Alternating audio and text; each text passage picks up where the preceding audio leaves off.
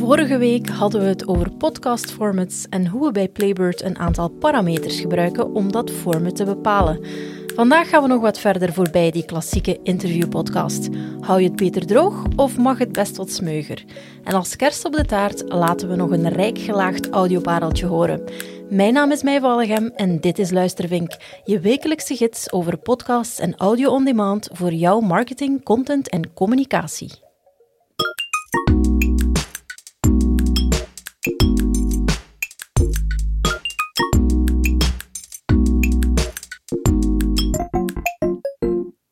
En zoals steeds zit ik hier weer samen met Lennart Schoors in de studio. Hoi.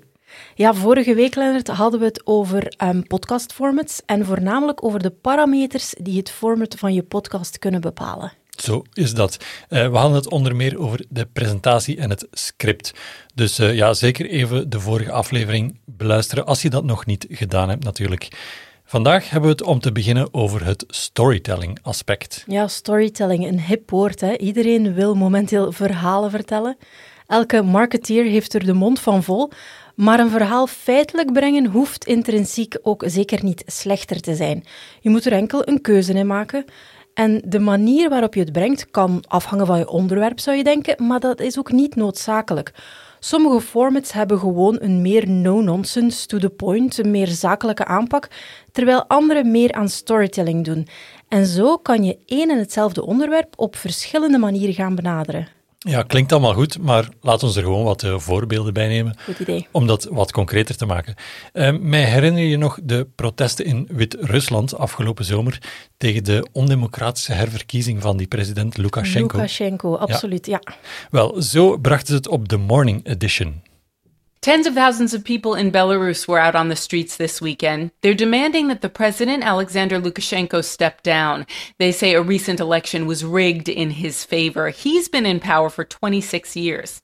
Hani Horova is an activist who lives in the capital, Minsk. She was at the protests this weekend. Hi, Hannah. Hello. Good morning. Good morning to you. So these were the biggest protests in Belarus's history. Ja, de Morning Edition is een beetje de journaalpodcast van de uh, Amerikaanse publieke omroep, de NPR. En ja, dat klinkt heel herkenbaar als een nieuwsbulletin. Je krijgt de feiten, je krijgt een getuigenis ter plaatse. Maar soms wil je dus wel meer een verhaal brengen. Dus ik heb het op een lopen gezet. En in mijn vlucht ging vlak achter mij een eerste granaat af. En heel kort daarna een tweede die me echt totaal verblinden voor een seconde en toen uh, met een enorme knal doof maakte. En terwijl ik rende voelde ik dat iets mijn been binnendrong. Dat iets scherps in mijn been schoot en dat ik begon te bloeden.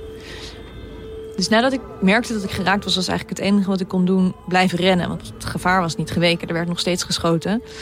Uh, gelukkig werd ik toen te hulp geschoten door, door een paar jonge mensen die uh, een ambulance voor me gebeld hebben.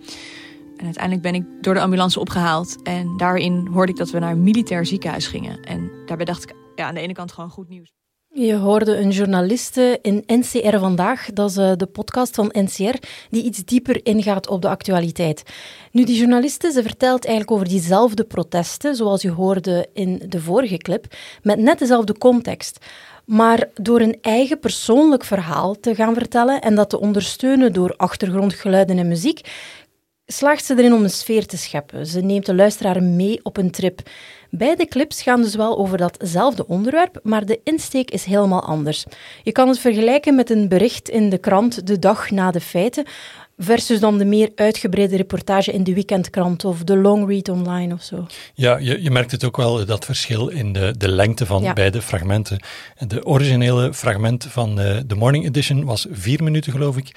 En dat van uh, NRC vandaag was 20 minuten. Uh, dat is dus ja, feitelijk informeren versus verhalend die feiten mee gaan geven. En in deze voorbeelden was dat het verschil tussen compact, snel op de bal achteraf of uitvoeriger achteraf uh, met complexere productie.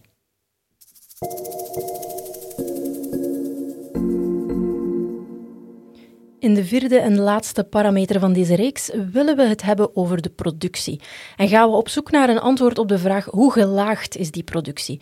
We gaan van een droge, minimale productie tot iets zeer weelderig en gelaagd. Je kan je boodschap brengen zonder meer, onbewerkt, beperkt tot het hoogst noodzakelijke in de montage. Of je kan er tijdens die montage ook achtergrondgeluid in verwerken, locatieopnames, effecten, muziek, waardoor je tot een gelaagde mix komt met veel korte clips van verschillende bronnen door elkaar. Ja, en zoals steeds gaat het hier weer over een spectrum. Hè? Dus met die twee uitersten en heel wat mogelijkheden daartussen natuurlijk. Maar om een voorbeeld te geven van zo'n heel wilderige productie, hebben we er even een eh, stuk Radiolab bijgenomen. Dat is een ja, fantastische Amerikaanse podcast die al jaren meegaat. Ze zijn bekend om hun heel rijk gevulde productie. Ik noem het uh, vaak een beetje ja, een podcast lasagne met heel veel laagjes. Even smakelijk. Ja, absoluut. Ja, en we vonden eigenlijk een, eh, een, wel een leuke clip, omdat ze een aflevering hebben over de Belgische nationale verkiezingen van 2003. Luister even aandachtig mee naar dit stukje, waarin ze het hebben over de werking van een computer.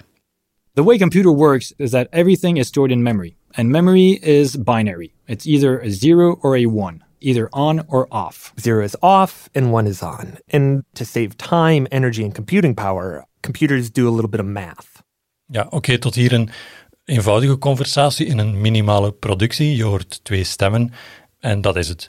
Nu, om hun verhaal verder uit te leggen, moeten ze iets dieper ingaan op de manier waarop een computer, in dit geval een stemcomputer, precies telt. Je kan dat dan gewoon droog gaan uitleggen met een minimale productie, maar veel kans natuurlijk dat je dan als luisteraar afhaakt of er niet echt veel van snapt. Ja, het is ook niet evident om uit te leggen natuurlijk. Absoluut, absoluut. En dus pakken ze het zo aan. They, they count using powers of two. Powers of 2 mm-hmm. You remember powers of two? Maybe. Yeah, something squared is a power. Exactly. Two squared or two to the uh, second power. Two times two is four. Uh, two to the third power. Two times two times two is eight. Two to the fourth, 16, et cetera, et cetera, et cetera. So how is it that a computer is doing that? Right. Well, so so to to help you visualize this, imagine inside a computer's memory there's this string of 13 light bulbs light bulbs that IT people call bits, each one representing a different power of two. Just stick with me here for a second. Yeah, okay. So, so that first light bulb represents 2 to the power of 0, which is 1, because anything to the 0 power equals 1. Okay. Don't ask math. uh, second light bulb 2 to the first power, which is 2. The third bulb 2 to the second power, or 2 times 2, 4, 4. etc., etc., etc. Now, when Maria received her first vote, a little bit of electricity was sent to that first light bulb. 2 to the power of 0. Turning it on. 2 to the 0 is 1. Exactly. Now, when she got her second vote, this time some electricity was sent to that second bulb. 2 to the first power. Turning it on, representing two votes. And because two votes are stored in that second light bulb, what, what the computer does simultaneously is turn off that first bulb. So to be clear, when she got her second vote, the first... Ja, en zo gaan ze nog even door. En je moet er natuurlijk niet mee overdrijven, maar je hoort hier hè, originele achtergrondmuziek, geluidseffecten, computerstemmen, verschillende stemmen in de studio enzovoort. Allemaal om die uitleg te gaan illustreren. Ja, zoals ze zeggen, een beeld zegt meer dan duizend woorden. Dat is een beetje de audioversie ervan. Ja, zo kan je het inderdaad perfect omschrijven. En dat klinkt niet alleen leuk, het zorgt er ook voor dat je je oren spitst en dat die uitleg duidelijker wordt, meer begrijpelijk wordt.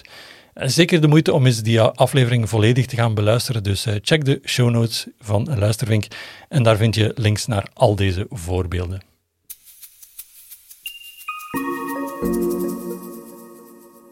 Met de voorbeelden uit deze en de vorige aflevering wilden we je laten horen dat er veel meer mogelijk is dan die klassieke interview-podcast.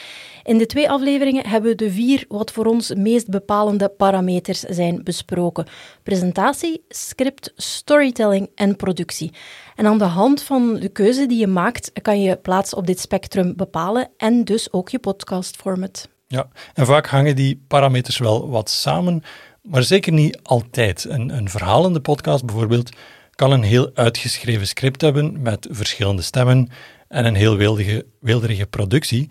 Maar je kan evengoed die verhalende podcast brengen als een, ja, een spontane monoloog zonder franjes. Die keuzes die maak je op basis van je boodschap, je eigen competenties, de stijl die je wil gaan gebruiken, wat de concurrentie doet, wat je publiek wilt enzovoort. Ja, heel wat factoren. En er zijn daarin eigenlijk geen goede of slechte keuzes. Het is vooral in de uitvoering dat de kwaliteit van je resultaat wordt bepaald. Heel wat denkvoer, denk ik, waar je creativiteit de komende week op kan loslaten. Luister hiervoor zeker nog eens naar de voorbeelden of de vorige aflevering over parameters. Die kan je allemaal vinden op luistervink.link. Volgende week zijn we er terug. Tot dan!